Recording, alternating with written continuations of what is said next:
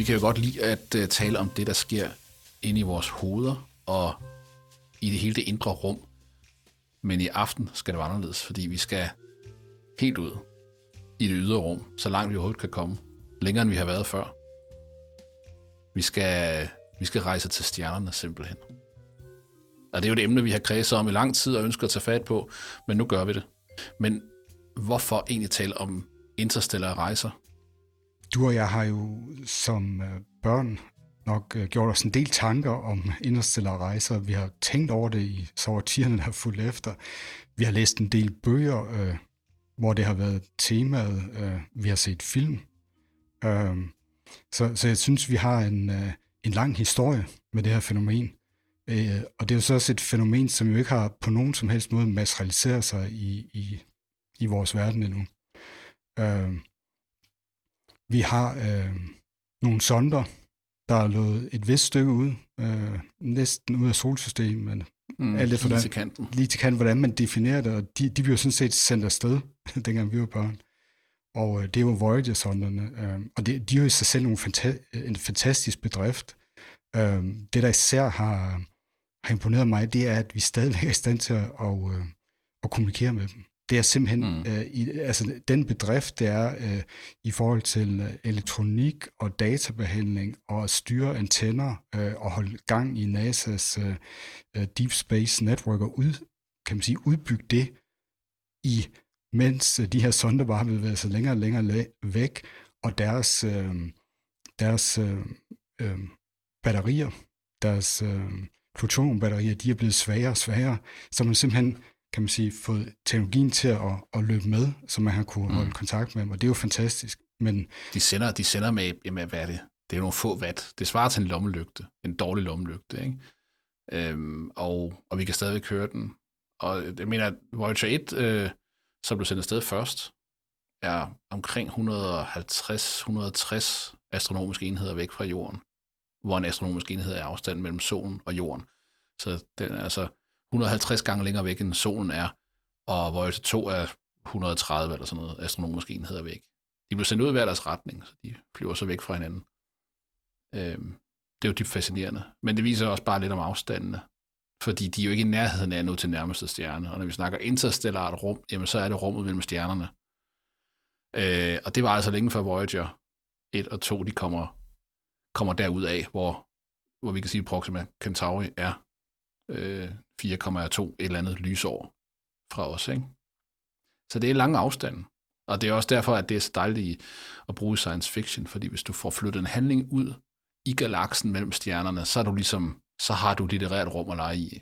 Så kan det meste lade sig gøre, fordi du også automatisk ret langt frem i tid. Ikke? Og det er jo den der genre science fiction, som jeg i hvert fald godt kan lide. Øh, som Asimov for eksempel begår sig i. Vi er langt ude i fremtiden, og vi er ude mellem stjernerne. Ja, for lige at give øh, måske en idé om de her afstande, så en god tommelfinger, det er jo sådan en øh, astronomisk enhed. Altså den der øh, øh, gennemsnitlige afstand mellem solen og jorden, det er en 150 millioner kilometer. Og det tager cirka 8 lysminutter eller sådan noget at gennem for lyset og, og, og bevæge sig den afstand. Øh, og der, det er jo det så også derfor, at 4,2 lysår, det er virkelig, virkelig langt. Og Voyager-sonderne, så vidt jeg husker, så ligger det jo på 10.000 vis af år for dem øh, at komme øh, bare i nærheden af at have tilbagelagt den afstand. Og, øh, og, og der er sådan nogle greb, man foretager i, i mange af de der science fictions, øh, vi har læst, øh, og også som man ser, øh, for at kunne få det her øh, interstellar øh, transport til at fungere, Øh, og det er jo sådan noget som at have warp-drev, og, og, og man rejser med, med højere lyshastighed. Og, og det øh, kan man sige, fungerer som et uh, litterært greb, fordi det godt nok blive meget lange, kedelige historier, hvis man skulle holde sig til den, kan man sige, desværre meget hårde hastighedsgrænse, som er i vores øh, univers. Og den hastighedsgrænse, som vi ikke har fundet nogen øh, veje rigtig udenom endnu. Øh, og, og vi kan, vi kunne sige, at der var en, der er sådan en, en dansk vinkel på den, øh, og det var jo det var Ole Rømer, der øh, som den første øh, rapporterede om det, han kaldte lysets tøven. Han fremlagde et resultat helt tilbage i 1676, øh, hvor han havde kigget på øh, Jupiters måner, og, og det var ikke altid, at de kom frem på de tidspunkter, som, øh, som man kunne beregne sig frem til. Og så foreslog han så det, at, øh, at det kunne være, at øh, lyset fra, og Jupiters måneder, der, det ikke udbredte sig med øjeblikkelig hastighed, men at der var en forsinkelse, og det kaldes sig så lysets tøven.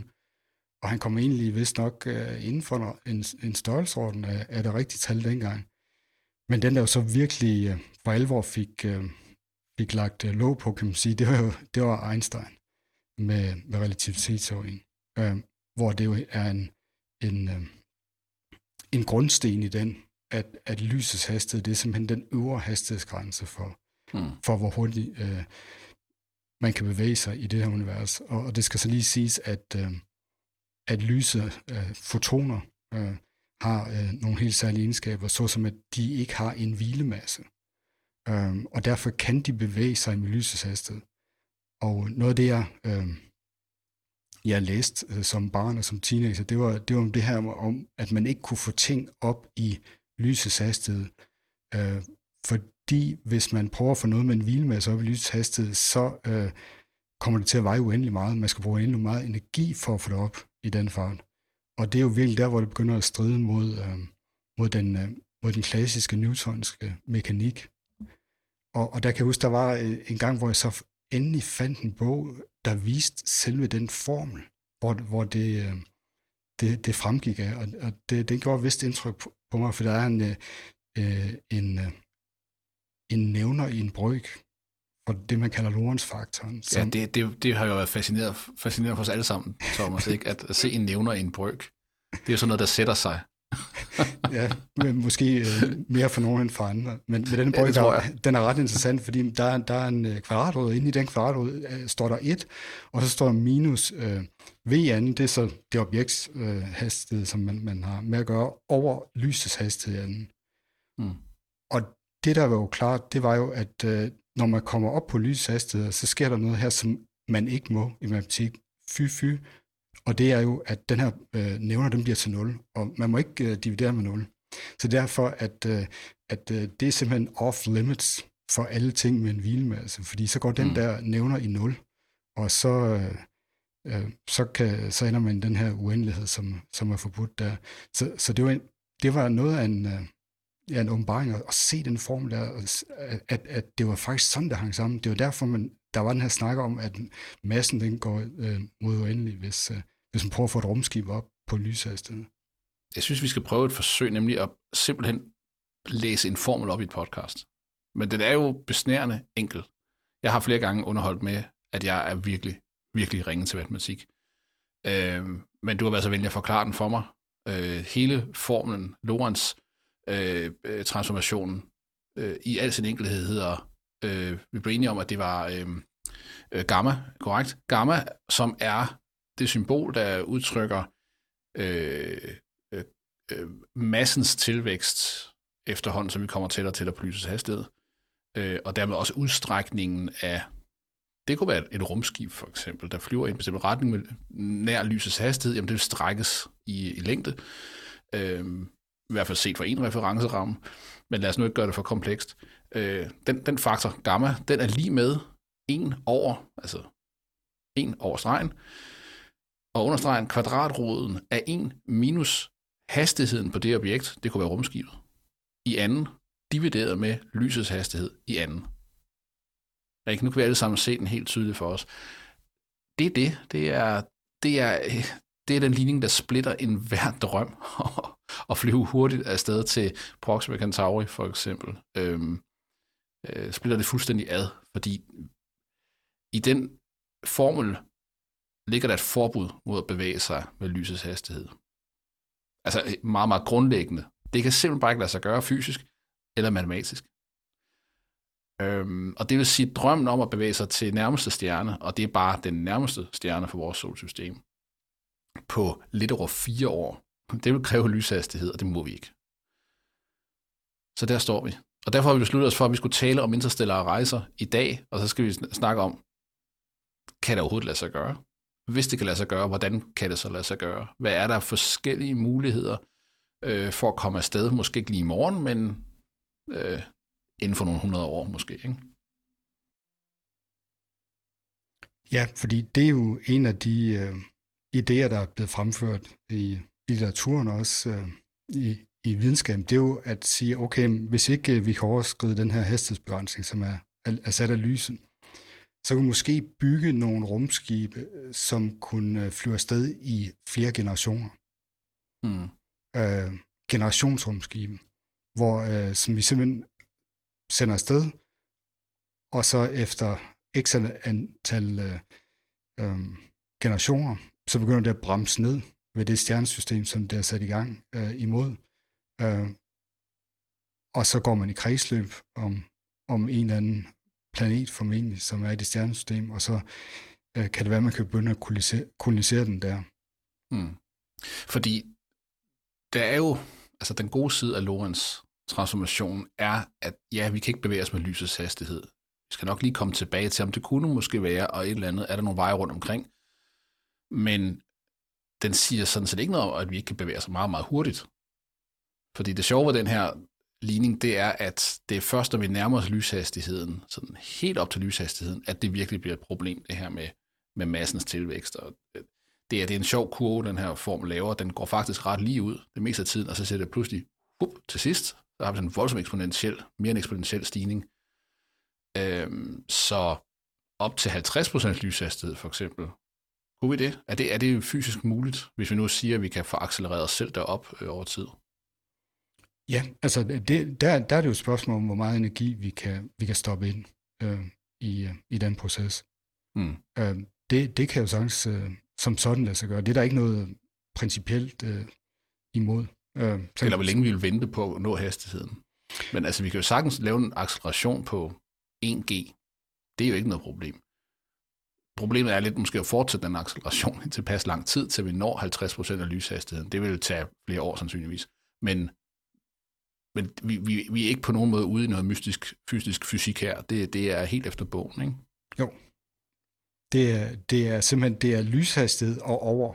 Det, det, der, det er simpelthen det, det er, det er strengt. Ja. Mm. Det, øh, og, øh, og det kan man så sige, det at, at gå over den øh, med de her warp drives og alle mulige andre sjove ting, øh, det kan så være, ja, det er godt for, for fortællingerne, men det, lader ikke til at være sandsynligt eller muligt i, i det her univers, vi opholder os i. Mm. Så, hvis vi, så lad os tage det, der ligger på den gode side af fysikken først. Så kan vi bevæge os over i warp drive, så vi ellers har af spændende muligheder øh, eller fantasier. Men du nævner generationsskibe. Lad os starte der. Tanken om at tage en tilpas stor mængde mennesker, øh, sætte den bord på et stort skib, selvforsynende, og så sende det afsted mod en eksoplanet om et eller andet fremmed solsystem, hvor vi tror, at der kunne være en god chance for, at man kunne lave en koloni, og menneskeheden kunne overleve. Øhm, lad, os, lad os bare sige, at den her øh, planet, den er i kredsløb om Proxima Centauri. Der er kommet et spændende signal, et, et, et, et wow-radiosignal fra den kant, så det kunne jo være, lad os nu bare sige det, der var noget at komme efter derude. Øhm, 4,24 lysår væk, det vil sige, ved de hastigheder, vi kan opnå, snakker vi hvor lang tid? Et par generationer? Mm, altså, det, jeg, jeg, jeg mener ikke, vi har, vi har i hvert fald ikke teknologien til nu, så skal vi begynde at, mm. og, og, øh, og satse på det, fordi det handler jo i den grad om at få, ja, få stoppet energi ind i, i processen. Og, mm. og det må sige, en, en, øh, en udfordring er jo også, at en ting er at komme op i hastighed, men hvis man vil lande i et andet stjernesystem, så skal man også ned i hastighed igen. For ellers mm. så flinder man jo bare forbi det. Uh, og der kan man så selvfølgelig regne på, at man siger, hvad, hvad nu hvis vi accelererede halvdelen af vejen, og så bremser vi den anden halvdel af vejen. Men, men problemet er jo så også, at det der bremsen, det skal der også bruges energi eller reaktionsmasse til.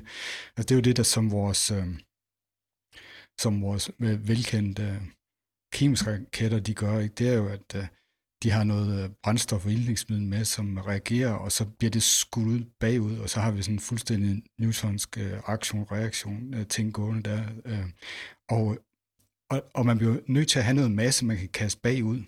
Mm. Og det bliver man også nødt til at have, når man skal bremse. Så øh, man skal jo sådan set sørge for, så sådan en generationsskib også, at have nok med til, at man kan bremse ned igen, så man kan ramme mm. øh, et kredsløb i det her øh, målsolsystem, som man, ja. man sigter mod. Så vi snakker jo om, altså vi snakker om de hastigheder, vi kan nå nu, som forhåbentlig er hurtigere end Voyager-sonderne flyver. De er hovedsageligt accelereret op med noget, øh, fik en dæk med nogle øh, tyngdefinder omkring planeter og, og så videre, men øh, de flyver med 50-60.000 km i timen, og det lyder jo meget, men, men uh, turen til nærmeste stjerne og uh, forhåbentlig en, en lækker vandplanet i kredsløbet, den vil jo tage altså 20-30.000 år, nok mere, hvis jeg lige kan regne rigtigt i de hastigheder, måske 50.000 år. Det er mange generationer. Det er et skib, der skal flyve længe. Øhm, og øh, øh, ja, det, det virker lidt uoverskueligt i, øh, i mine ører, at, øh, at holde et rumskib kørende i flere generationer, end vi har haft i historisk tid. Ikke? 50.000 år siden, det skulle, det er meget lang tid siden, der var vi ikke specielt veludviklede. Der kan ske mange ting på sådan en tur, tænker jeg. Øh, det kan der, ja. Og, og øh, hvis man sådan øh, tænker det i, i termer af at tage på en rejse her på jorden, eller hvis man skulle, som for eksempel amerikanske øh, kontinent, det blev nordamerikanske øh, kontinent, det blev koloniseret, ikke? så drager man afsted, ikke? og så kan man så også stoppe undervejs, og så kan man proviantere. Men, men sådan spiller det her klaver jo heller ikke. Fordi når man først er kommet op i den der march-hastighed, man gerne vil nå, mm. så er det bare derude. Altså, der er mm. ikke noget med at stoppe undervejs, og, og vi er ude i det der interstellare rum også, hvor der er jo, altså, der er ting derude, øh, der, der er formentlig ret mange objekter, der er masser ting, vi ikke kan se, men, men der, er ikke, øh, der er jo ikke energi til at stoppe og, øh, og gøre noget ved det. Så man skal have et, øh, et skib, der simpelthen kan holde sig øh, svævende, kan man sige, med den her marshastighed øh, i mange tusindvis af år.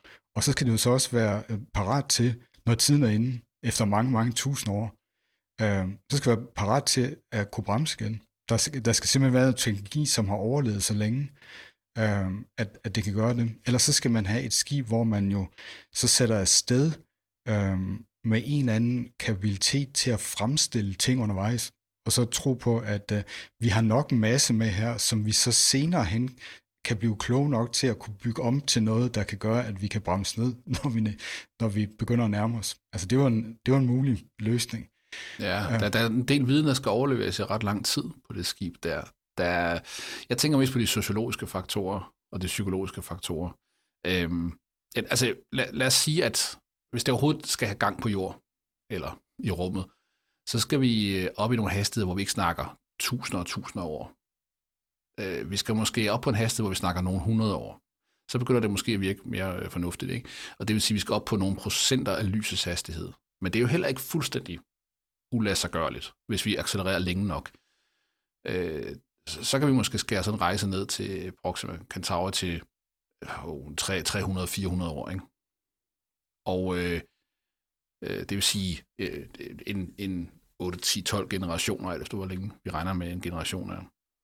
Men der er stadig en masse viden, der skal overleveres. Der er en disciplin, der skal opretholdes. Øh, fordi generationsskib, nu snakker vi ikke om livsforlængelse og dvale, det kommer vi tilbage til, men vi snakker om mennesker, der lever et liv.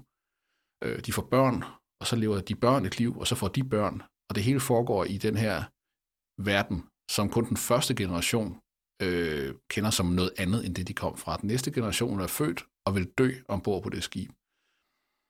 Øhm, det, det er svært at forestille sig, hvordan det ville spænde af. Men, øh, men der skal jo ikke mange øh, oprørere til. Der skal ikke mange unge rebeller til, for at sige, vi gider ikke det her. Øh, vi vil vende om, vi vil hjem til den jord, vi har læst om i en bog eller set på film. Øh, og, og hvis man kan få det til at fungere, så er der stadigvæk vedligehold. Der er at få noget at spise. Der er det at få genereret noget at, at indånde. Der er det at få genereret noget vand. Der er få repareret en masse fejl på mekanikken, fordi de fleste fejl på sådan en rejse kan være ret fatale. Det virker voldsomt. Altså, det, det, det, det er et meget, meget øh, komplekst projekt i mine ører. Ja, det foregår i et meget lidt tilgivende, om, altså meget lidt tilgivende omgivelser. Det, er jo, man sige. Øh, og, og, og allerede inden man tager afsted, synes jeg også, der er interessant, øh, sociologiske faktorer øh, og incitamenter at tænke på. Ikke? Fordi hvad skulle incitamentet for den første generation være? Øh, de, de sætter jo afsted og kommer ikke i nærheden af at opleve øh, ankomsten. Og, mm. og det kan da godt være, at vi kan... Ja, det kan godt være, at der er nogen, der er klar på det, men så det næste er, det vil så sige, øh, hvem vil overhovedet betale for sådan noget? Hvem skulle ja, altså, finansiere det... sådan en, en, øh, en ekspedition? Ikke? Fordi selv hvis man ekspeder, øh, selv finansierer den, så det være, man kunne få sit navn på rumskibet, ikke? men man får længst været død og borte øh, den dag, det ankommer. Ja, nyhedens interesse er hurtigt face ud, ikke? det ved vi. ikke engang, måne, ikke engang månelandingen kunne holde folk fanget særlig mange år. Så øh, den der reality-serie fra, fra et skib, hvor der ikke sker, sker en skid, øh, mens det flyver væk fra jorden, det vil nok ikke øh, være super interessant i længden. Øh, og jeg, jeg tror godt, du kan finde nogen, der vil være klar til at gå ombord. Det tror jeg. jeg, jeg der var også folk, der meldte sig til Mars One, øh, eksperimentet, som aldrig blev til noget. Altså ideen om at få en enkelt billet til Mars. Øh, jeg er bare ikke sikker på, at det er de mest stabile mennesker, der vil melde sig til det. Jeg er ikke sikker på, at det crew vil være det, vi helst ville vælge. Og hvis stabile mennesker vil melde sig til et eksperiment, så kan det godt være, at det så går op for en, at man aldrig nogensinde kommer hjem igen, at du, du kommer til at dø i den der blikdåse på vej mod et fjernt mål, som du aldrig selv får at se. Kunne måske godt øh, øh, gøre noget ved folks hoveder, ikke? Så, så der har vi nogle udfordringer. Men jeg tænker også på det, det, den etiske udfordring. Kan vi øh, med rimelighed bestemme over en kommende generation? Og, og dømme en kommende generation? Lad os nu sige, at vi sætter 100 mennesker, eller 100 par ombord på det skib her, så der er lidt, øh, øh, lidt genetisk diversitet. Ikke? Øh, de får måske 2,1 barn hver. Er det ikke sådan, man regner? Så, så der, der er 210 børn, der, der fødes på det skib her øh, dømt til for altid at være lukket inde på det skib, uden at få lov til at opleve det mål, de er på vej ud mod. Har vi ret til at øh, lave det eksperiment? Øh, det er blevet behandlet i science fiction. Der findes en... Jeg husker den som fantastisk. Den er sandsynligvis ret low budget. Øh, TV-film fra Sverige. Og jeg mener, den hedder Exit. Og den handler om et øh, rumskib, et stjerneskib, på vej, et generationsskib på vej mod en fjern stjerne. Og den handler om, øh, om, om den unge generation ombord, som øh, er, er godt træt af det, faktisk.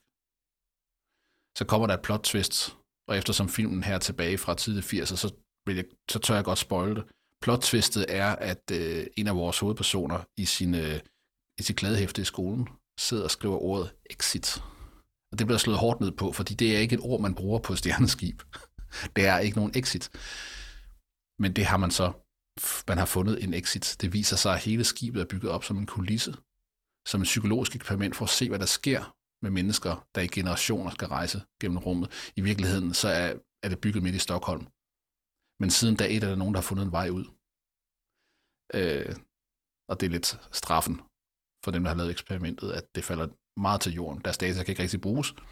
Øh, og der er alt muligt fed øh, øh, symbolik omkring øh, socialistiske samfund osv., vi ikke skal komme ind på, men øh, jeg synes, det er en fanta- fantastisk historie, og den er dyrket i flere science fiction-værker siden da.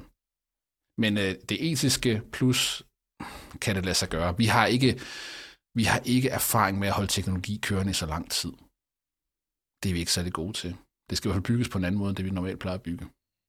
Ja, der var også en anden lille twist på det med det, altså nærmest ligger mellem det med det etiske og det med incitamenterne og det teknologiske. Mm. Og det er jo det, at øh, hvis man først er øh, taget afsted og komme op i fart, og det går der ud af, øh, og det kommer til at tage øh, 300 år, lad os sige, vi når op på, til, til Proxima Centauri, men øh, at det tager 300 år så her på jorden, så er der, så er der gang i teknologisk udvikling. Og, øh, og den, øh, den tiltager måske også en dag.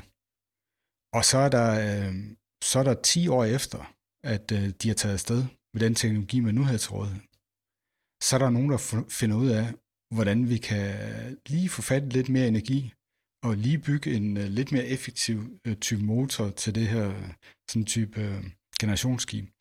Og den kan altså lige levere nogle uh, procent mere op mod, uh, mod lyshastighed. Så hvis man tog afsted nu, så kunne man ankomme 50-100 år før de andre. Og det vil så sige, at øh, dem, der stukker afsted der på en teknologi, de kan så blive overhalet undervejs af nogen, der tager, mm. tager afsted øh, få år senere for jorden med en, en overlegen teknologi. Og jeg vil i hvert fald øh, personligt, selvom jeg jo kan sige, drømte om nogle ting, da jeg læste de der bøger som barn, så, så vil, tror jeg ikke, at vi har taget det, jeg ikke tage, øh, tage imod det vedmål. Fordi så, så vil du være på vej over mod et stjernesystem. Du kan ikke bremse, du kan ikke gøre en skid, og så kommer der bare nogle andre og overhælder dig. Mm. Og de, det, det skib, de når så frem, måske flere generationer før dig. Hvad er incitamentet ja. for at udsætte sig selv for det? det? Det skal man nok gøre op med sig selv. Men det kan godt være, at man har noget, man, man vil væk fra, ikke? Øh, det bliver sådan en flok fremmede legionærer, der, der kaster sig ombord der. Og det kan da også være, altså, at vi koloniserer den næste planet, ligesom vi koloniserede Australien. Altså sætte nogle straffefanger afsted.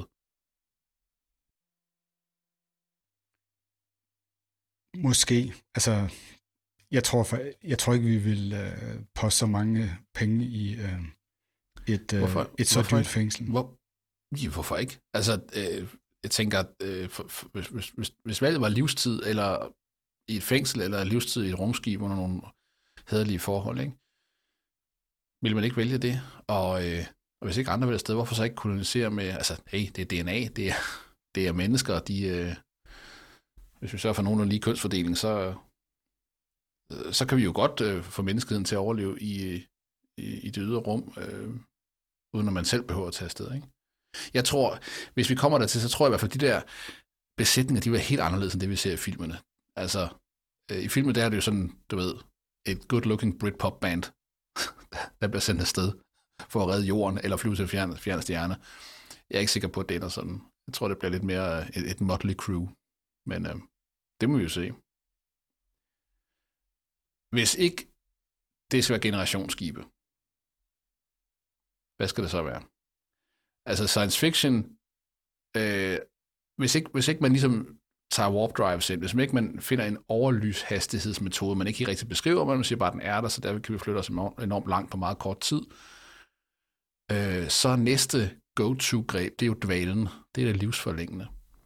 Øh, der er Alien og hele trilogien. Øh, øh, trilogien på fem film, men lad os nu bare... Der er tre gode Alien-film. Det er jo øh, øh, grebet der, ikke? Man bliver lagt i dvale, det er en kiste, man bliver kølet ned eller noget. Øh, det er jo ikke noget, vi kan endnu, men det er måske en teknologi, som kunne være rundt om hjørnet om nogle dekader. Vil det være en måde? Potentielt, øh, men altså det, jeg tror, vi kommer til at have et helt separat afsnit om det der med, mm. om man kan fryse os ned, og så man kan tørre Biologien i det i sig selv er ja. Det, Ja. ja. Øhm, jeg tror stadigvæk, at, at det vil være sindssygt udfordrende jo ikke at få det, du nævnte før, nemlig den her teknologi, som er det der rumskib rundt omkring de her dvalekapsler, til at fungere så længe som nødvendigt. Og øh, så skal de jo så også øh, sørge for, at øh, når besætningen skal vækkes, at, øh, at det også går godt. Øh, og der, der ligger jo noget af et sats der, ikke? Øh, vi kunne komme til at sende sådan et helt øh, rumskib afsted, som øh, øh, nedfrostende øh, mennesker i dvale, og så går det bare galt med et eller andet fuldstændig banalt efter... Det der efter, ikke ur, der styrer optøningen, det, det kokser. Ja. Og det der vist også lavet science fiction om. Øh, inden for de senere år var der en. Det er der nemlig, og jeg tror, ja, øh, en good-looking guy og good-looking girl vågner før tid på et stjerneskib, øh, som vi skal komme nærmere ind på, fordi det stjerneskib er bygget på de mest vanvittige måder. Det, lad os sige, at den videnskabelige konsulent har ikke, øh, har ikke været mange timer ombord på den film. Men, øh, men interessant, hvad, hvad gør man så? Ikke? Altså, er det, er, øh, hvis du vågner alene på et stjerneskib, og du ved, at Øh, der er hundredvis af år, til du øh, ankommer. Vil du så søge selskab, eller... øh, og hende, hende, hende, der ligger så enormt sød ud i sin glaskiste der, vil man væk hende, ikke? Øh, det er selvfølgelig noget skidt at gøre. Men ja, det leger med ideen om, hvis noget går galt. Altså det med, øh, med dvale, altså det, det sætter også lidt øh, spørgsmålstegn ved, om, øh, om vores læng, længden af vores liv altså er kompatibel med, med den her udstrækning af universet og de her afstande. Ikke? Altså der er et eller andet mismatch her mellem, mellem hvor lang vores liv er, og så, og så hvor store de afstande er, og så med den her øh, hastighedsbegrænsning, der er blevet sat på. Ikke? Der er ligesom noget, der ikke passer sammen der. Øh, der er jo så øh, an, øh, anden science fiction, øh, som jo sætter stor pris på, Jan M. Banks, som, øh, som leger med det der med, at der kan være øh, både øh, biologiske og også øh, øh, tekniske skabninger, som lever på andre øh, øh, tidsskaler. Mm. Øhm, og, øh, og der er selvfølgelig spørgsmål, kan, kunne vi gøre noget ved den tidsskala, som vi lever på, for eksempel?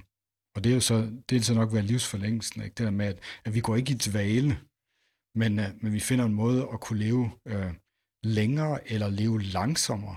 Uh, det vil sige, dvale er jo nok i virkeligheden en måde at leve meget, meget langsomt på. Ikke? Det er også dyrt at gå i dvale. Jo, der er jo ikke jo. lukket helt ned for alle uh, kropsfunktioner. Det er, det er en måde at, at ligge og brænde meget langsomt på. Ikke? Mm. Eller at vi igen, og så er vi tilbage ved punkt 1, øh, får accelereret det her skiv op til øh, noget nær lyshastighed. Øh, så, så vil det føles som en ganske kort tur faktisk, hvis vi kan kante den helt op mod nogle få decimaler før lyshastighed. Lys, fotoner oplever ingen tid. Fotoner er, set fra fotonens synspunkt, øh, med på hele turen, øjeblikkeligt. Øh, så, så jo, jo tættere vi kommer, jo, jo hurtigere vil det føles.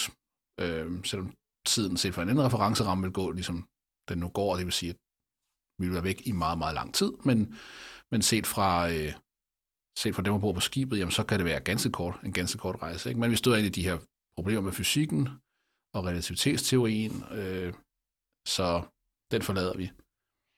Øh, Måske var der en, lige en ting, vi skulle med der, som er, er uh-huh. at øh, efterhånden, som man så bevæger sig væk fra jorden, så afstanden øh, i tid i ens kommunikation hos os bliver større og større. Og, ja, og det vil sige, ja, at, at, at, at, at der går længere tid mellem spørgsmål og svar. Det, det er også interessant, hvilken psykologisk effekt det kunne have.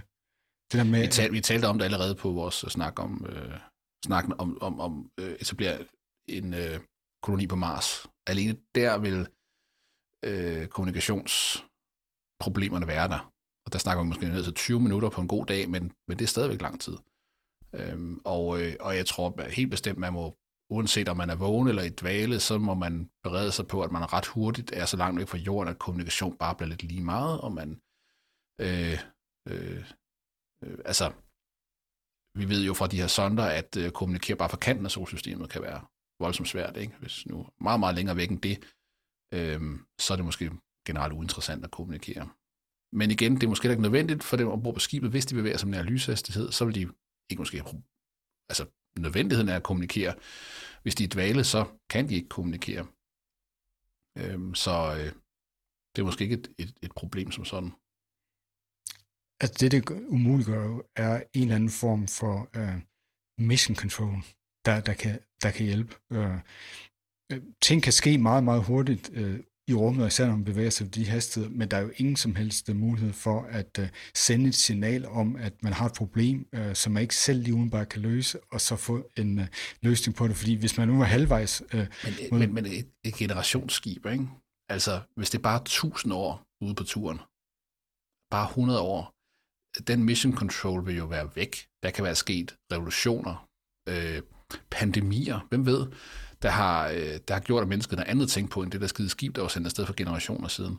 Så jeg tror, det første, man skal indstille sig på, det er, at det skib skal være 100% selvforsynende. Det, det skal være muligt at glemme alt om det, og det skal stadig fungere. Så jeg tror et eller andet sted, at kommunikations, altså forsinkelsen i kommunikation er det mindste problem. Det er, det er mere det, at, at tiden bare går. Og, øh, og vi mennesker synes jo, at 100 år er lang tid. Ikke? Men, øh, men det er det ikke på sådan en rejse her. Nej, jeg, jeg er sådan set enig. Jeg tror også, det skal være fire and forget. Altså det, øh, og mm. så, så nogle, nogle generationer senere, århundreder senere, så kommer måske et signal om, jamen nu er vi, vi er landet, vi er ankommet, eller så, så hører Vi er ankommet for tusind år siden. og alt er godt. Sæt flere penge. Ja. ja. Øhm, skal vi kaste os lidt ud i den, øh, i, i den, den hårde teknologi?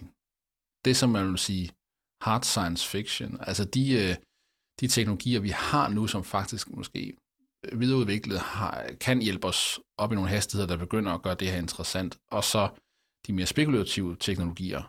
Og så kan vi jo snakke om, du ved, hvor spekulative er de? ikke? Mm-hmm. Øhm, men men øhm, altså, når vi sender ting op i rummet nu, så foregår det god gammeldags raketkemi, ikke? Og det er jo, øh, det er jo stenalderstedet, når vi taler om rumfart. rumfart. Ja, altså det er jo det, den der idé om, at øh, vi tager noget øh, brændstof og, og noget ildningsmiddel, øh, fast og forkert, der er det sådan bagt sammen, men, men øh, vi tager og laver en kemisk reaktion, øh, og øh, den prøver vi at få gjort så effektivt som muligt, øh, og den er ret eksplosiv, og det afsted kommer så, at der er noget masse, der bliver skudt meget, meget hurtigt ud øh, af raketmotoren, og det skaber så den her øh, reaktion, som gør, at raket, øh, raketten vil være i en anden retning. Og bare lige en, en, kan man sige, en lille parentes der, det var jo, det var sådan en ting, som ikke engang i starten af 20. århundrede var fuldstændig åbenlyst, at det kunne lade sig gøre. Um, New York Times, de lavede blandt andet, uh, de går grin med Robert Goddard, som var ham, der byggede den første uh, uh, raketmotor med, med flydende brændstof og fløj med dem. De var meget små, men, men han havde jo sådan nogle idéer om også, at vi skulle ud i, i verdensrummet, og de går grin med ham, fordi sådan en raket kunne ikke fungere uden for jordens atmosfære, hvor der ingen luft er. Der skulle der ikke var noget at, at, at trykke af imod. Ikke? Ja, præcis. Ja. Ja, og, og, og det var jo så flere hundrede år efter Newton. Altså, øh, og, og man skulle da tro, at, øh, at de har haft en videnskabelig konsulent også, men der var faktisk sådan en konsensus om, øh, at, at det kunne jo ikke lade sig gøre, for der var ikke noget at skubbe imod. Og det er jo egentlig interessant, når vi havde de linjer, havde haft dem i så mange hundrede år. Det er så til øh, New York Times øh, øh, siges, at, øh, at de i 1969 i forbindelse med månelandingen så undskyldte over for Goddard, som jo så desværre på det tidspunkt var død, så vidt jeg ved. Men det var en, de, en, en, en, en sjælden uh, set dementi fra, fra journalistisk side. The Grey Old Lady, de lavede simpelthen en berigtigelse af, at de mm. havde taget fejl dengang. Det var forkert at gøre grin med ham. Men så det, er, det, man sige, det er jo sådan et godt uh, uh, newtonsk uh, fysik, der er på spil der. Vi, ja. vi har noget masse, så kaster vi det bagud, og så kan vi komme, øh, kan vi jo så komme i kredsløb, og vi kan også komme videre derfra. Der er jo øhm. stadigvæk, der er stadigvæk flat earthers og lignende typer. Øh, det er ikke mange måneder siden, at, at jeg faktisk øh, læste om endnu en antiraketmand, der, der mener, at raketter intuitivt set ikke kan lade sig gøre, fordi, som han siger, øh, raketbrændstoffet vil blive suget ud af raketten ude i rummets vakuum, før at du overhovedet kan nå at antænde det. Og, øh, og jeg vil ikke engang, jeg overgang komme ind på, hvor, hvor meget fysik manden har misforstået på en gang, men øh, det er ikke små ting. Øh, raketter hjælper os jo ud i, øh, i kredsløb og kan skubbe os videre ud, ikke? Hvis det skulle være det. Men øh, problemet er, at de kræver så helt enormt meget brændstof. Ja. Øh, og, og derfor slukker vi også for den. Vi bruger dem til at skubbe os afsted, og så, er der, så løber vi tør for brændstof, vi lukker for hanen, og, og månerejsen, det var jo en lang øh, glidetur, øh, hvor vi, vi coastede afsted, ikke? efter at have fået et skub af, af, af tredje trinet. Og, øh, øh, og, og det vil sige, at de hastigheder, vi kan opnå, er jo meget, meget små. Altså, det vil igen, øh, og, og, og, at, at få et skub ud af jordens tyngdefelt, og så ligesom glide bare til Mars, eller i det her tilfælde til den nærmeste stjerne, vil tage helt utrolig lang tid. Så, så kemiske raketter er jo ikke rigtig en mulighed her. Nej, det, de, det, virker ikke, øh, det virker ikke som en, en realistisk mulighed. Altså det, det der er, øh, det som kemiske raketter kan gøre, det er, at de har en ret stor løftekraft. De kan virkelig skubbe fra, når de gør det. Det er meget eksplosivt. Ikke? Øhm, så er der så andre øh, former for motorer, som vi jo har øh, til rådighed i rummet, og som også bliver brugt. Det bliver brugt til at, at holde satellitter på plads, og, øh, så det bliver der rigtig kredsløb. Der er ionmotorer, som, som er elektrisk baseret. Øh, de har jo så også øh, en reaktionsmasse i, at de, af, de, de skal have noget materiale, som, som kan blive ioniseret, og så øh, ryge, øh, ryge bagud. Øh, dem kan man så have kørende i meget længere tid, men de har, de har ikke den samme øh, thrust. Altså, de kan ikke øh, løfte så meget, men dem kan man køre i meget lang tid. Altså, altså det, det en raket gør, er jo, det tager nogle partikler, helst så tunge som muligt, øh, og smider ud, helst så hurtigt som muligt. Og der, der er grænser for, hvor en kemisk reaktion simpelthen, altså hvor meget hastighed vi kan få på, men vi kan godt smide nogle ret tunge ting bagud. Øh, fordi øh, udstødningen fra en raket vejer ret meget, det, der, der er meget masse i den. Øh, ionmotorer, der tager vi noget, helst nogle tunge atomer, argon eller xenon, øh, og så bruger vi et elektrisk felt til at kaste den bagud af vores raket, eller vores rumskib.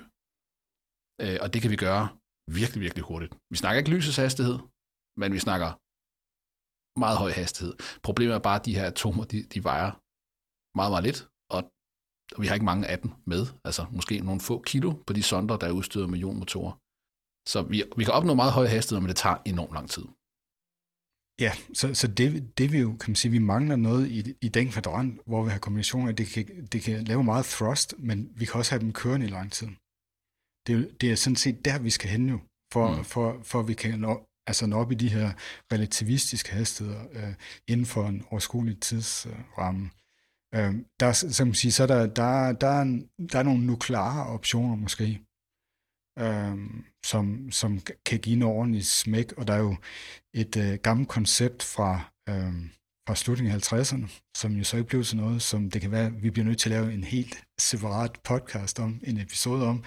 Alene fordi æstetikken i, i det koncept er så øh, 50'er fed på den fede måde. Altså det er så stort tænkt.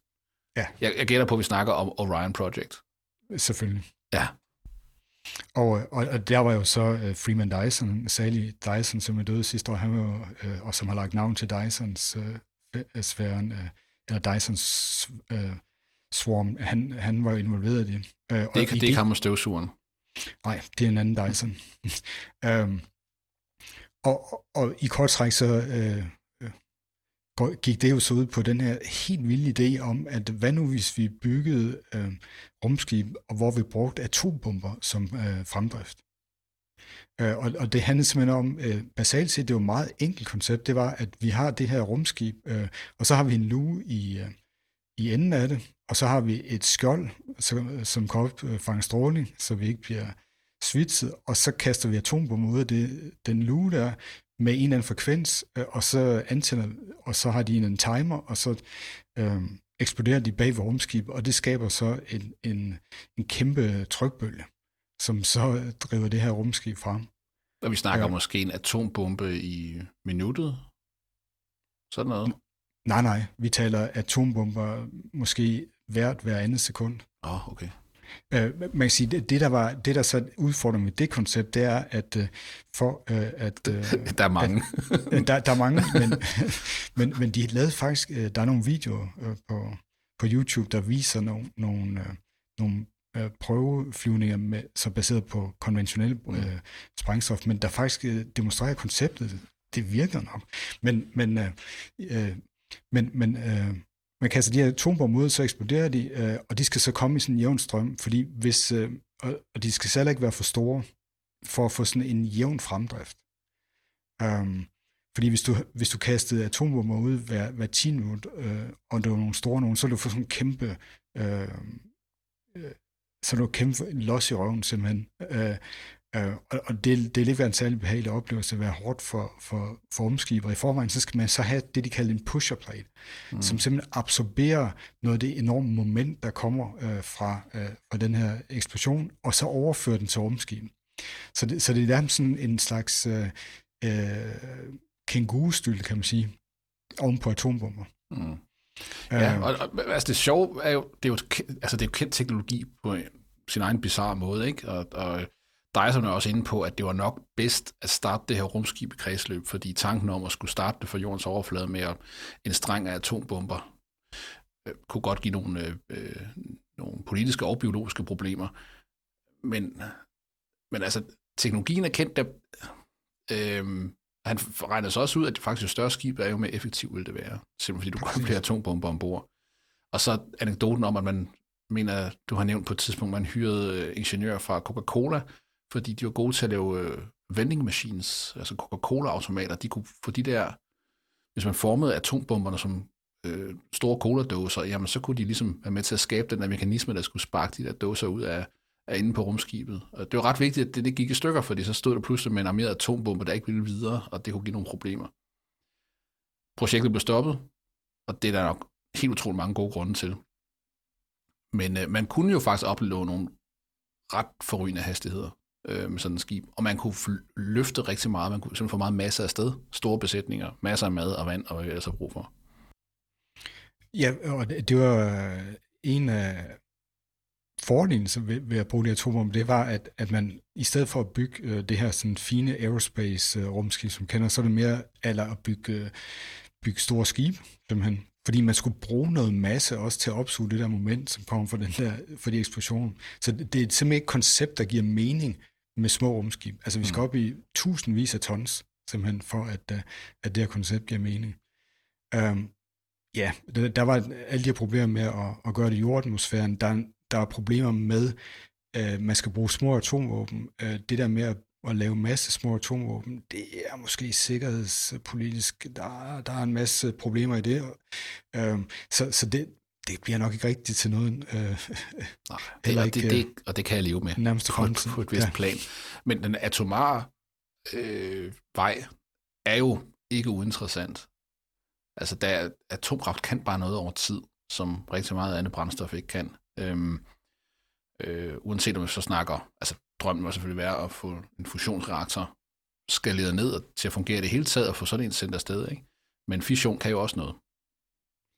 Ja, og der er en, øh, der er en herre, vi har nævnt tidligere i forbindelse med Mars, øh, Robin Zubrin, og han øh, udviklede et koncept i slutningen af 80'erne på en, en ret vild øh, motor, øh, som øh, Scott Manley lige har lavet en YouTube-video om os. Uh, den er temmelig vild. Altså det, det er at, tage, at lave det der øh, atombombe koncept fra Orion om til sådan et flow-koncept, hvor man, som, øh, som Manley han kalder, man har virkelig sådan en, øh, en, en løbende Tjernobyl kørende i sin motor, fordi man pumper øh, salte med, eller vand med uransalte ind i, i den her motor, opnår kvalitet, og så har man simpelthen i stedet for inde i raketmotoren i dysen, i stedet for at have en, en kemisk reaktion, så er det simpelthen sådan en, en, en fission, der kører løbende.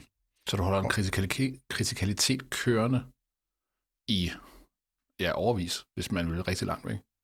Ja, Uh, og, og der kan man så faktisk, uh, der kan man, uh, han regnet på sådan nogle motorer uh, af størrelser som uh, den legendariske F1 fra første trin i Saturn 5, at uh, det kunne man godt lave med den teknologi, mm. så kunne man godt nok få noget, noget løftekraft.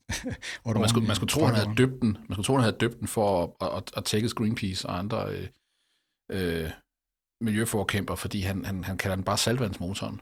Og det lyder jo, det lyder jo fint. Det han så glemmer at nævne, det er det, vi snakker om uransalte. Ja, og jo, og jo øh, mere forædlet det uran er, jo bedre.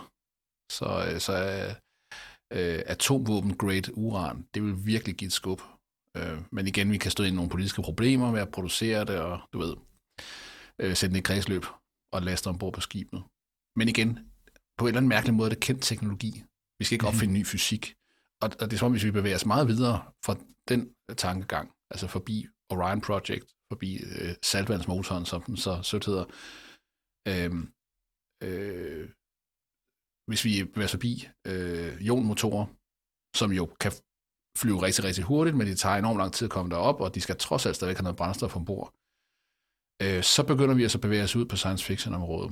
Øh, før vi rammer det, så har vi dog en, øh, også en, i princippet enkelt teknologi, som man også har berørt meget science fiction, øh, og som man nu også laver et projekt over, og det er jo solsejlet. Mm-hmm. Det at sejle på solvind, det er jo det er poetisk. Det er jo smukt i sig selv. Ikke? Det kræver selvfølgelig, at der er en stjerne i nærheden, men øh, selv på lange interstellare rejser, så vil vi faktisk ikke bevæge os så pokkers langt væk, at vi ikke stadigvæk kunne bruge solvinden fra vores egen sol. Øh, meget langt hen ad vejen i hvert fald. Øh, men øh, ideen er jo bare, bare at spænde et meget, meget stort sejl ud, øh, som helst skal reflektere lys øh, og, øh, og andre partikler fra solen. Og så øh, lade sig skubbe afsted. Der er nogle ting omkring, det er ikke så kendt teknologi, fordi der er nogle materialemæssige ting omkring det sejl her, som har været lidt svært at håndtere. Men det er muligt, i hvert fald i ikke alt for fjern fremtid. Ja, det der måske er endnu mere oplagt, så der, det, det er at tage den det, at sige, vi kan lave et sejl, men hvad hvis vi lavede vores egen blæser, så at mm. sige. Mm. Uh, og det var så at tage solsejl og koble sammen med uh, laser, hvor at i stedet for at skulle kun forlade sig på, på det, man kan få fra solvinden, så simpelthen koncentrere noget energi, mm. og så sende op på sådan et, uh, et sejl. Og det tror jeg, det har mere for sig, og uh, det er også noget, som uh, Isaac Arthur, han har behandlet en del på, på sine uh, fantastiske YouTube-videoer. Uh, det er det at bruge, uh, bruge uh, solsejl uh, sammen med laser. Mm. Øhm, fordi det kan jo lidt løse det der problem med at, øh, at skulle have meget brændstof med ombord på øh, selve skibet. Det er jo, øh, det er jo det rigtig smart. Ikke? Og det er jo, at, øh, at så kan vi tage den energiproduktion, der skal til, øh, og øh, foretage den et andet sted end på selve skibet. Og det vil sige, at vi kan gøre skibet lettere. Øh, der er så stadigvæk udfordring med, at det her skib, som så måske er blevet sendt afsted med at få et ordentligt øhm, spark af sådan en, en laser, når det så ankommer, skal det jo stadigvæk have en eller anden mekanisme til at sætte farten ned med igen. Ja. For der er jo ikke endnu en laser i den anden ende til at eventuelt at hjælpe en med at bremse. Nej, det kan vi ikke gå ud fra.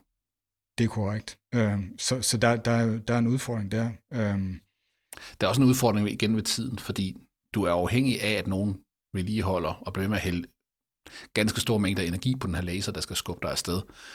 Og den dag, nogen slukker for en læse, så accelererer du ikke mere. Du fortsætter bare med den hastighed, du havde det øjeblik. Øhm, og det er ikke små ting af energi, der skal hældes i dem. Altså, når vi, hvis vi snakker om at skulle flytte et skib på mange tusind tons på den helt lange afstand, hvor den her laser trods alt vil begynde at, at, at, at blive lidt tynd i kanten, ikke?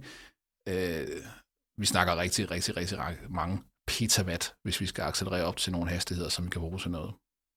Så man skal stole på dem, der er tilbage, at de har lyst til at blive ved med at hælde energi ind i laseren, og den energi skal nok være ganske gratis. Den skal komme fra noget fusionskraft, eller tappes direkte fra en stjerne, eller med nogle meget, meget store solpaneler. Men, øh, men det er jo ikke mere science fiction, end at vi er i gang med det, om end i en anden skala. Ja, og, og det synes jeg så er øh, en interessant twist også. Der er et projekt, der hedder øh, Breakthrough Starshot, øh, som blandt andet amerikanske øh, astronom R.V. Loeb er involveret i. Og, øh, og han er så også øh, blevet temmelig kendt her på det seneste, fordi han øh, har en interessante øh, hypoteser om, hvad det her objekt Oumuamua det, det egentlig er, mm. øh, som passerer ind gennem øh, vores solsystem. Det kan vi lige vende tilbage til.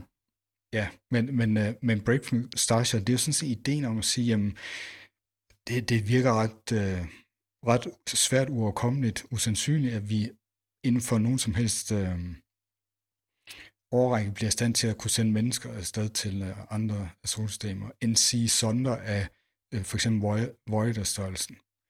Men hvad nu, hvis vi prøvede at lave en meget, meget lille sonde, øh, og udnyttede det, vi kan med, med elektronik efterhånden, mm.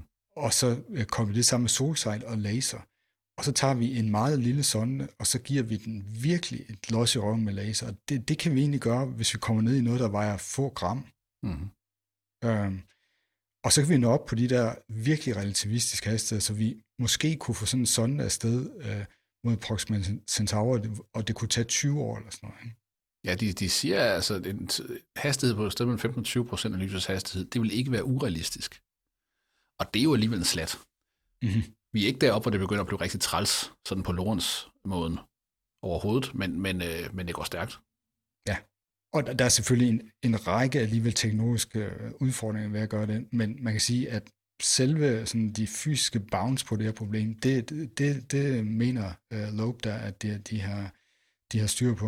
Øhm, altså der er sådan nogle ting, som sådan en lille ting skal udsættes for så stor en kraft øh, over så kort tid, øh, den skal jo ikke brænde sammen, den her, øh, Nej, det her fordi solsejl. sådan en laser vil jo afsætte noget energi, og, og hvis man virkelig skal være effektiv, så snakker vi ikke om sådan en, øh, en, en, en grøn øh, pegepindslaser, vel? Vi snakker om ultraviolette laser, der virkelig sparker. Men det betyder også, at øh, de, de rammer hårdt, ikke? Og øh, med mindre at, at meget, meget stor del af lyset reflekteres fra den her sonde, så vil den jo bare forsvinde i en, i en sky af gas meget, meget hurtigt. Så der er nogle materialemæssige ting igen, som man lige skal arbejde på. Ja, også øh, så vi har forstået nogle styringsmæssige, fordi det, det, er jo, det svarer jo til, øh, og det er sikkert mange størrelser rundt værre, end du tager øh, en, en brændslange, og så prøver du at styre en, øh, en, øh, en, øh, en lille ting på spidsen af den. Altså øh, bare små, øh, små fluktuationer i dens orientering, mens den bliver accelereret, kan jo gøre, at den bliver sendt i en helt forkert retning. Øh, og måske ud af, ud, af, ud, af, ud af fokus for strålen også, ikke? Og, og, og hvis du gør det, så, så er du toast. Men, men, øh, men det fede ved det her, øh, det er jo, at øh, vi behøver ikke at kunne have et forsøg. Nej, vi kan Hvis bare det- sende rigtig det- mange afsted. Ja, det er jo det. Vi kan jo bare øh, sende sværm afsted af dem, og så se, hvem, altså, hvor mange af dem når frem. Altså, ideen er jo så, at de skal nå, nå frem, øh, måske inden for, for en 20 år eller sådan noget, og så øh, have øh, nogle sensorer med. Øh, Mm.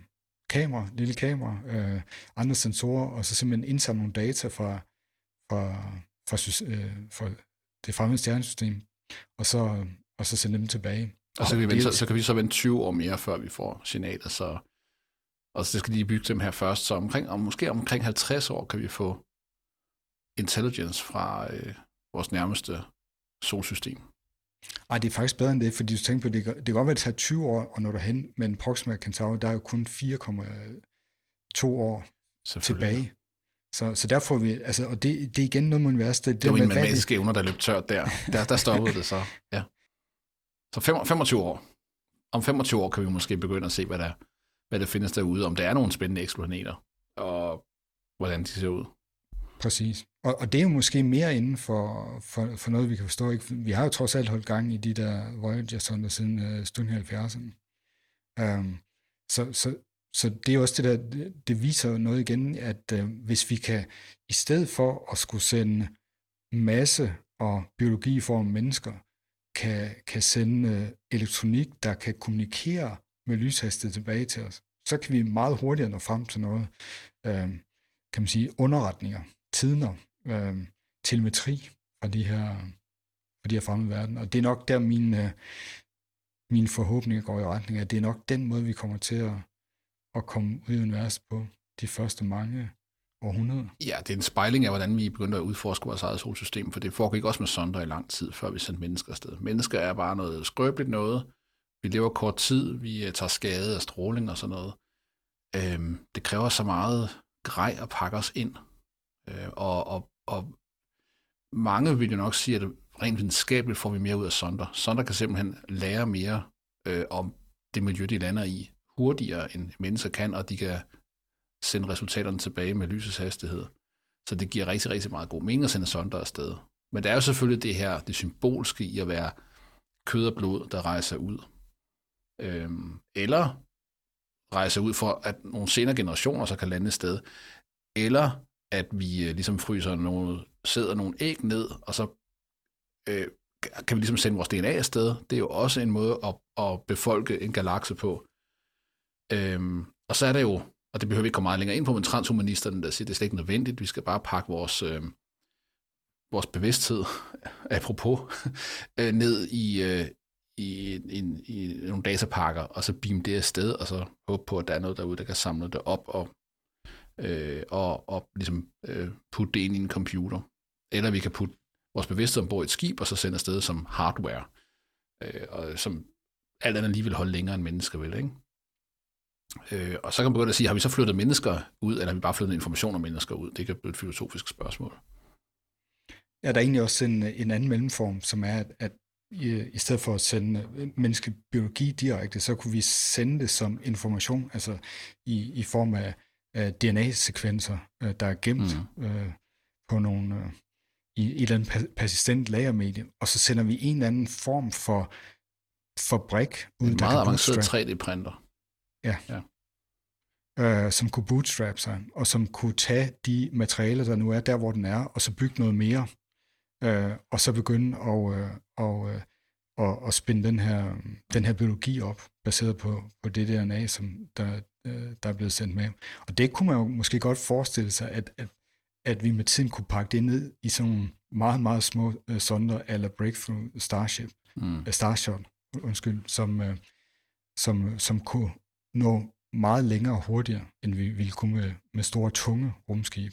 Der er nogle, øh, igen nogle, nogle etiske udfordringer der, som du ved, får, øh, får abortdiskussionen til at være det rene vand, ikke? fordi vi vil lade robotter føde en baby på en meget, meget fjern planet måske, og så øh, håbe det bedste.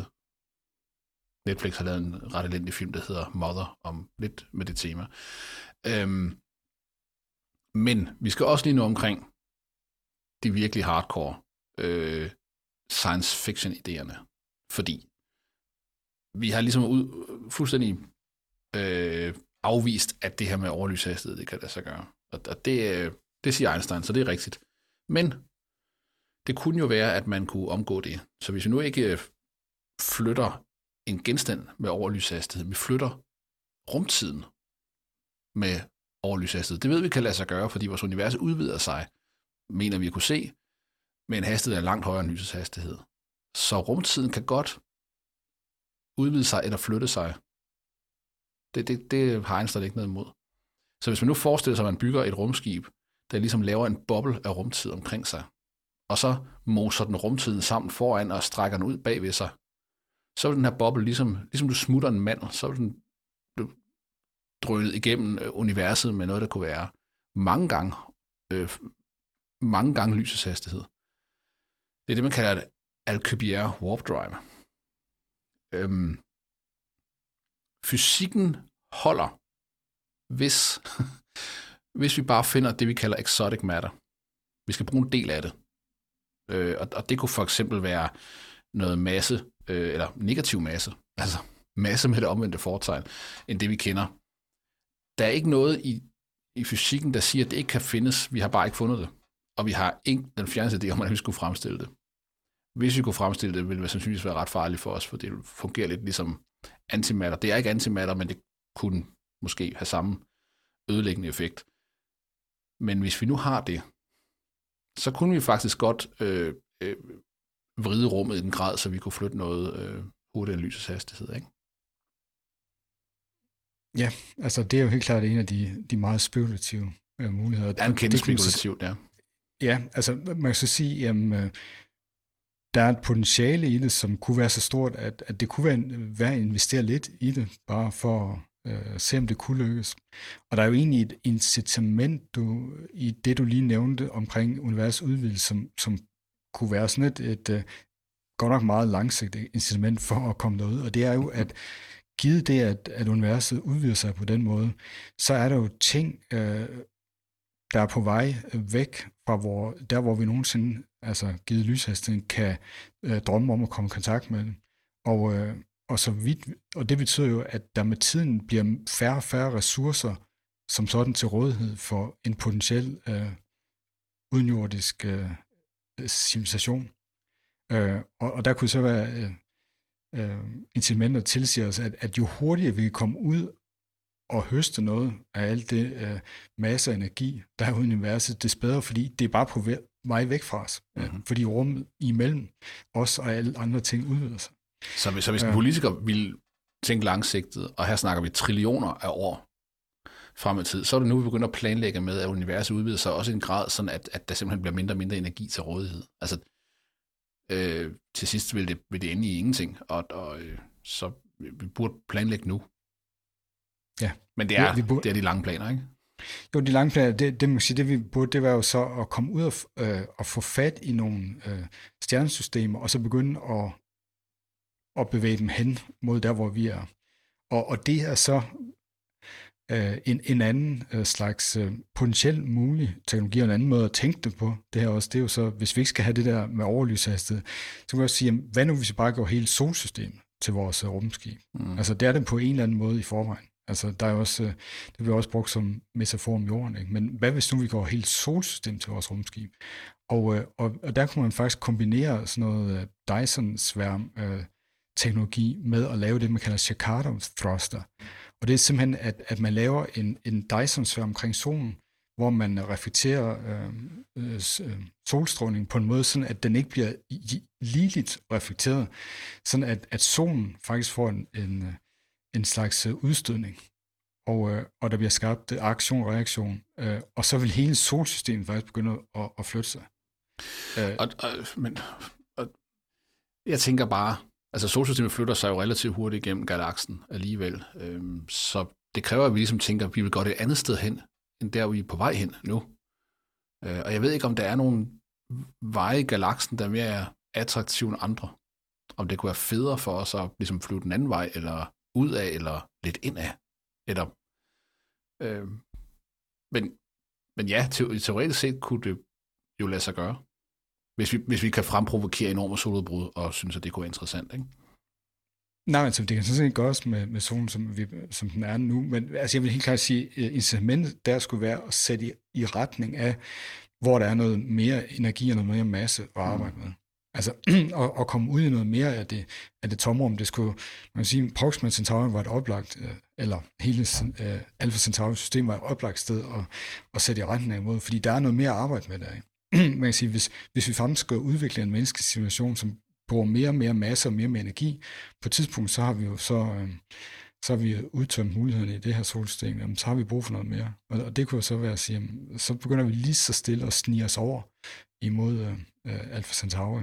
Øh, og, og så er der noget mere hent der om nogle formentlig millioner år. Jeg tænker bare, at jeg godt kunne tænke mig at leve i en verden så rationelt, at man ligesom begyndt bare at tænke på nogle lidt øh, nogle udfordringer på den kortere bane, som man også kunne begynde at, at handle på, du ved, før det er for sent. Men ja. Øhm, omkring warp drive der, altså der er jo, en ting er den negative masse, man lige skal finde, eller øh, anden eksotisk stof. Øhm, øh, negativ energi vil også kunne gøre det. Så er der nogle andre problemer, fordi igen, selvom vi kunne tage en boble af universet og flytte ved den hastighed, så mener fysikere, at det vil give nogle uheldige relativistiske øh, bivirkninger, lad os kalde det det, at øh, faktisk når du nærmer dig lysets hastighed, så vil du begynde at flyve ind mod et, øh, det vi kan bedst kan beskrive som et hvidt hul.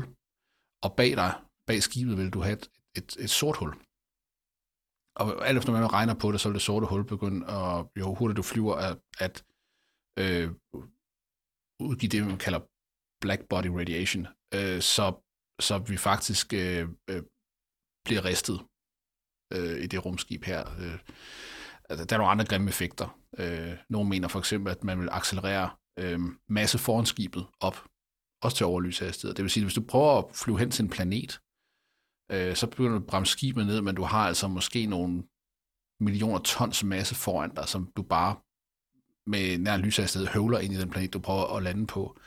Og hvis du gerne vil besøge nogen, så kan det være en uheldig måde at ankomme på. Så der er, der, der er rigtig mange ting ved det der Alcubierre Warp Drive, Udover det, at det måske slet ikke kan lade sig gøre. Og stadigvæk er det måske det mest sandsynlige overlysscenarie, vi har. Hvilket siger meget om overlysscenarier. Jeg synes, øh, skal vi runde af med at lige at tage fat i, øh, i Halop igen. Øh, fordi han er jo en lidt særpræget forsker. Udover at han har nogle fantastiske idéer, så har han jo også en holdning til, øh, hvordan videnskaben skal takle ting, vi ikke helt forstår. Øh, og du nævnede Oumuamua, øh, den her genstand, det her objekt, måske en form for asteroide, som helt klart kom fra det interstellare rum, og ikke fra vores eget solsystem. Så meget kan vi dog regne ud med de få data, vi har om det. Øh, vi kender ikke formen på det, men vi har nogle målinger på, hvordan det reflekterer lys, hvordan det ikke reflekterer lys, og det sker med en vis frekvens. Øh, og man har en cirka hastighed og en retning på det. Den kom ligesom, den her dims kom dykkende ned i vores solsystem, alt efter den, vi vender vores perspektiv, øh, var ikke super langt fra jorden, sådan i astronomiske termer. Tog en smut ind omkring solen, og forsvandt igen ved en pokkers hastighed. Øhm, og vi aner ikke, hvad det var. Men øh, Avelop siger, Det bør vi jo nok finde ud af. Det er noget, vi aldrig har set før. Bør vi ikke gøre alt, vi kan for at finde ud af, hvad i verden det var? Og han afskriver ikke muligheden for, at det kunne være teknologi. Det kunne være noget, der er bygget af noget eller nogen derude. Om der er nogen ombord, det påstår han ikke, det siger han ikke noget om, men der er en mulighed for, at det ikke er en naturlig ting. Langt de, det skal siges med ja, retfærdighed, langt de fleste forskere siger, det var bare en, en underlig interstellar asteroide. Øhm. Men han bygger jo sin idé på, at øh, han synes, at eller, det her objekt navigerede måske. Det foretog måske en manøvre, som man ikke helt kan forklare. Ja, eller måske var det ikke engang en manøvre, øh, som jeg forstår ham. Så, så det, der er meget interessant ved det, er, at, at, øh, at det nærmest virker som, det var parkeret som bøje, så det ikke var så meget, at, øh, at det lavede manøvre ind i vores solsystem, men at vores solsystem sejlede ind igennem det her sted, hvor der var den her bøje, mm-hmm. fordi den, øh, han kalder det øh, den her lokale øh, parkeringsplads i den her del af galaksen, øh, i forhold til de andre stjernesystemer, som vores solsystem ligger, ligger sammen med, så, så er den parkeret i forhold til den reference, øh, hvor vi så sådan sejlede ind igennem. Og det, er jo, og det synes jeg, det er en af de ting, der gør, at, at vi skal undre os over, hvad det kunne være, fordi sandsynligheden for, at der var noget, der skulle være så stationært i forhold til den der øh, referenceramme, parkeringspladsen der, den, den er ret lille. Ja, universet er en meget dynamisk ting. Altså, ja. den måde universet opstod på, betyder, at alt bevæger sig. Støder ind i hinanden, roterer, ryger en anden vej. Men momentet forsvinder jo ikke. Så, så ideen om, at noget bare lige skulle stoppe, øh, er ret usandsynligt.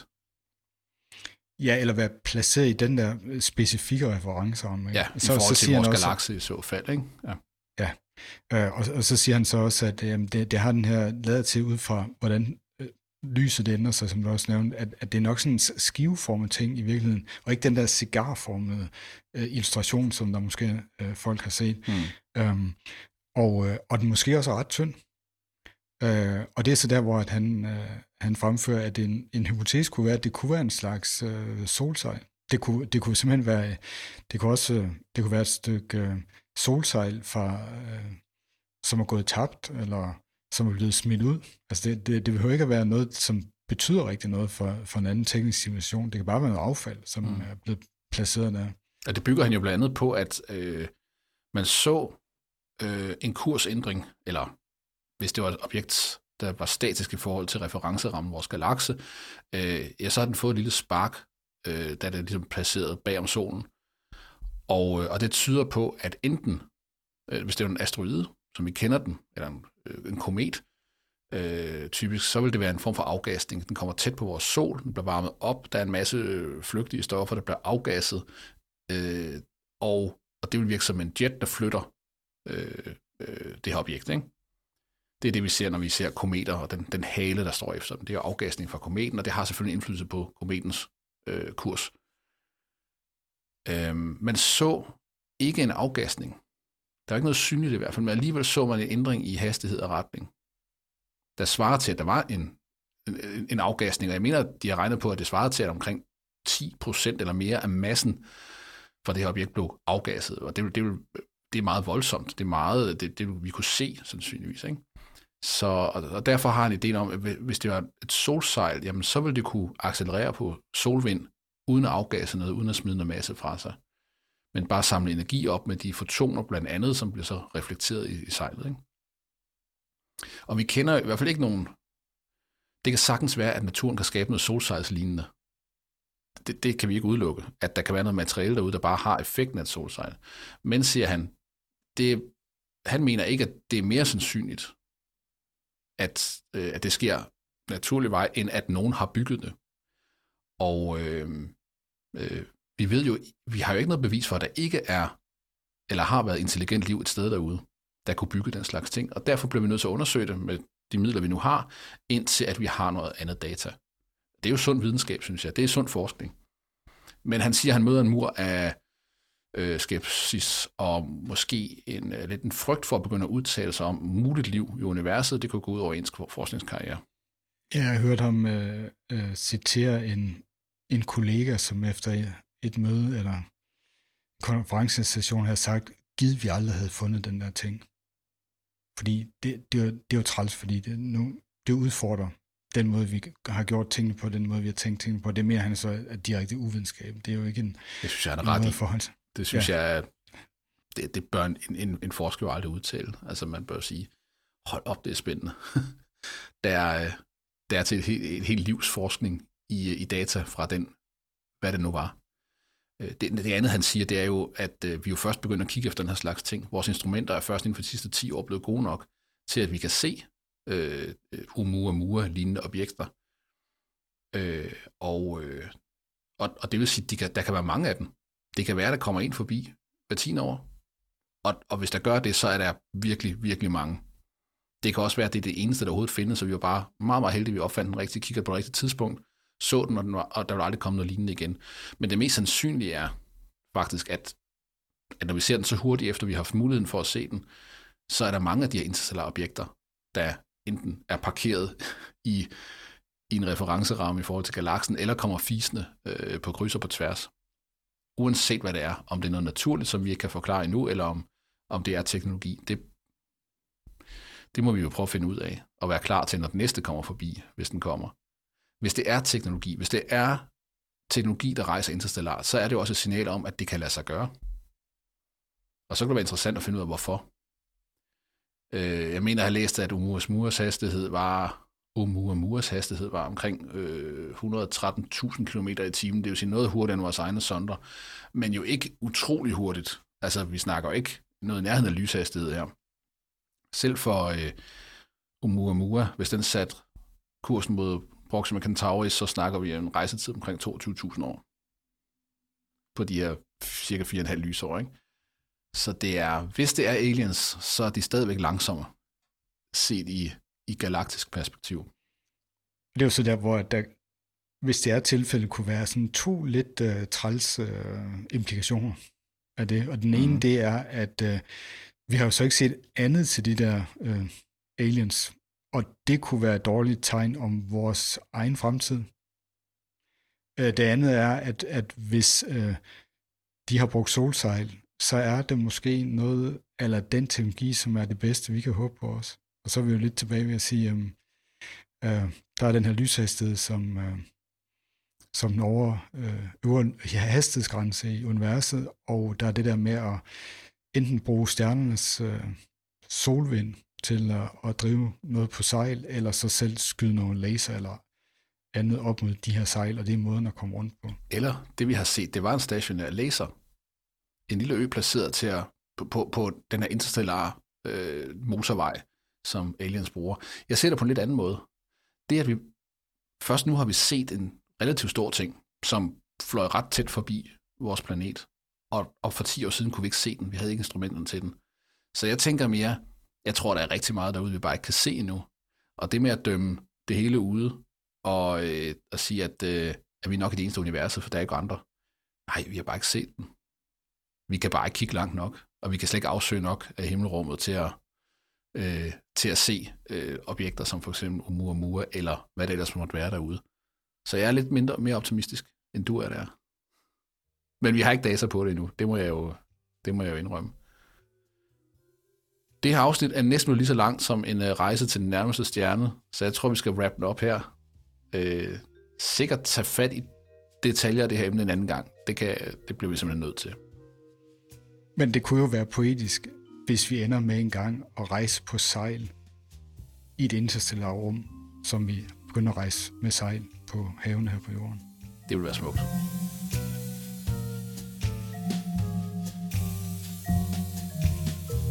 Silberbauer og Blomset er en samtale om systemerne, videnskaben og mønstrene bag fænomener og teknologier, der præger alt fra vores dagligdag til menneskehedens ultimative skæbne – har du kommentar eller spørgsmål til episoden, du lige har hørt, så fang os på Twitter på snabelag silberblom.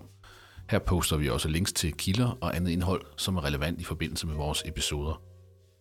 Abonner på Silberbauer og Blomset på Spotify, Apple Podcast eller din yndlingspodcasttjeneste. tjeneste. Tak fordi du lytter med.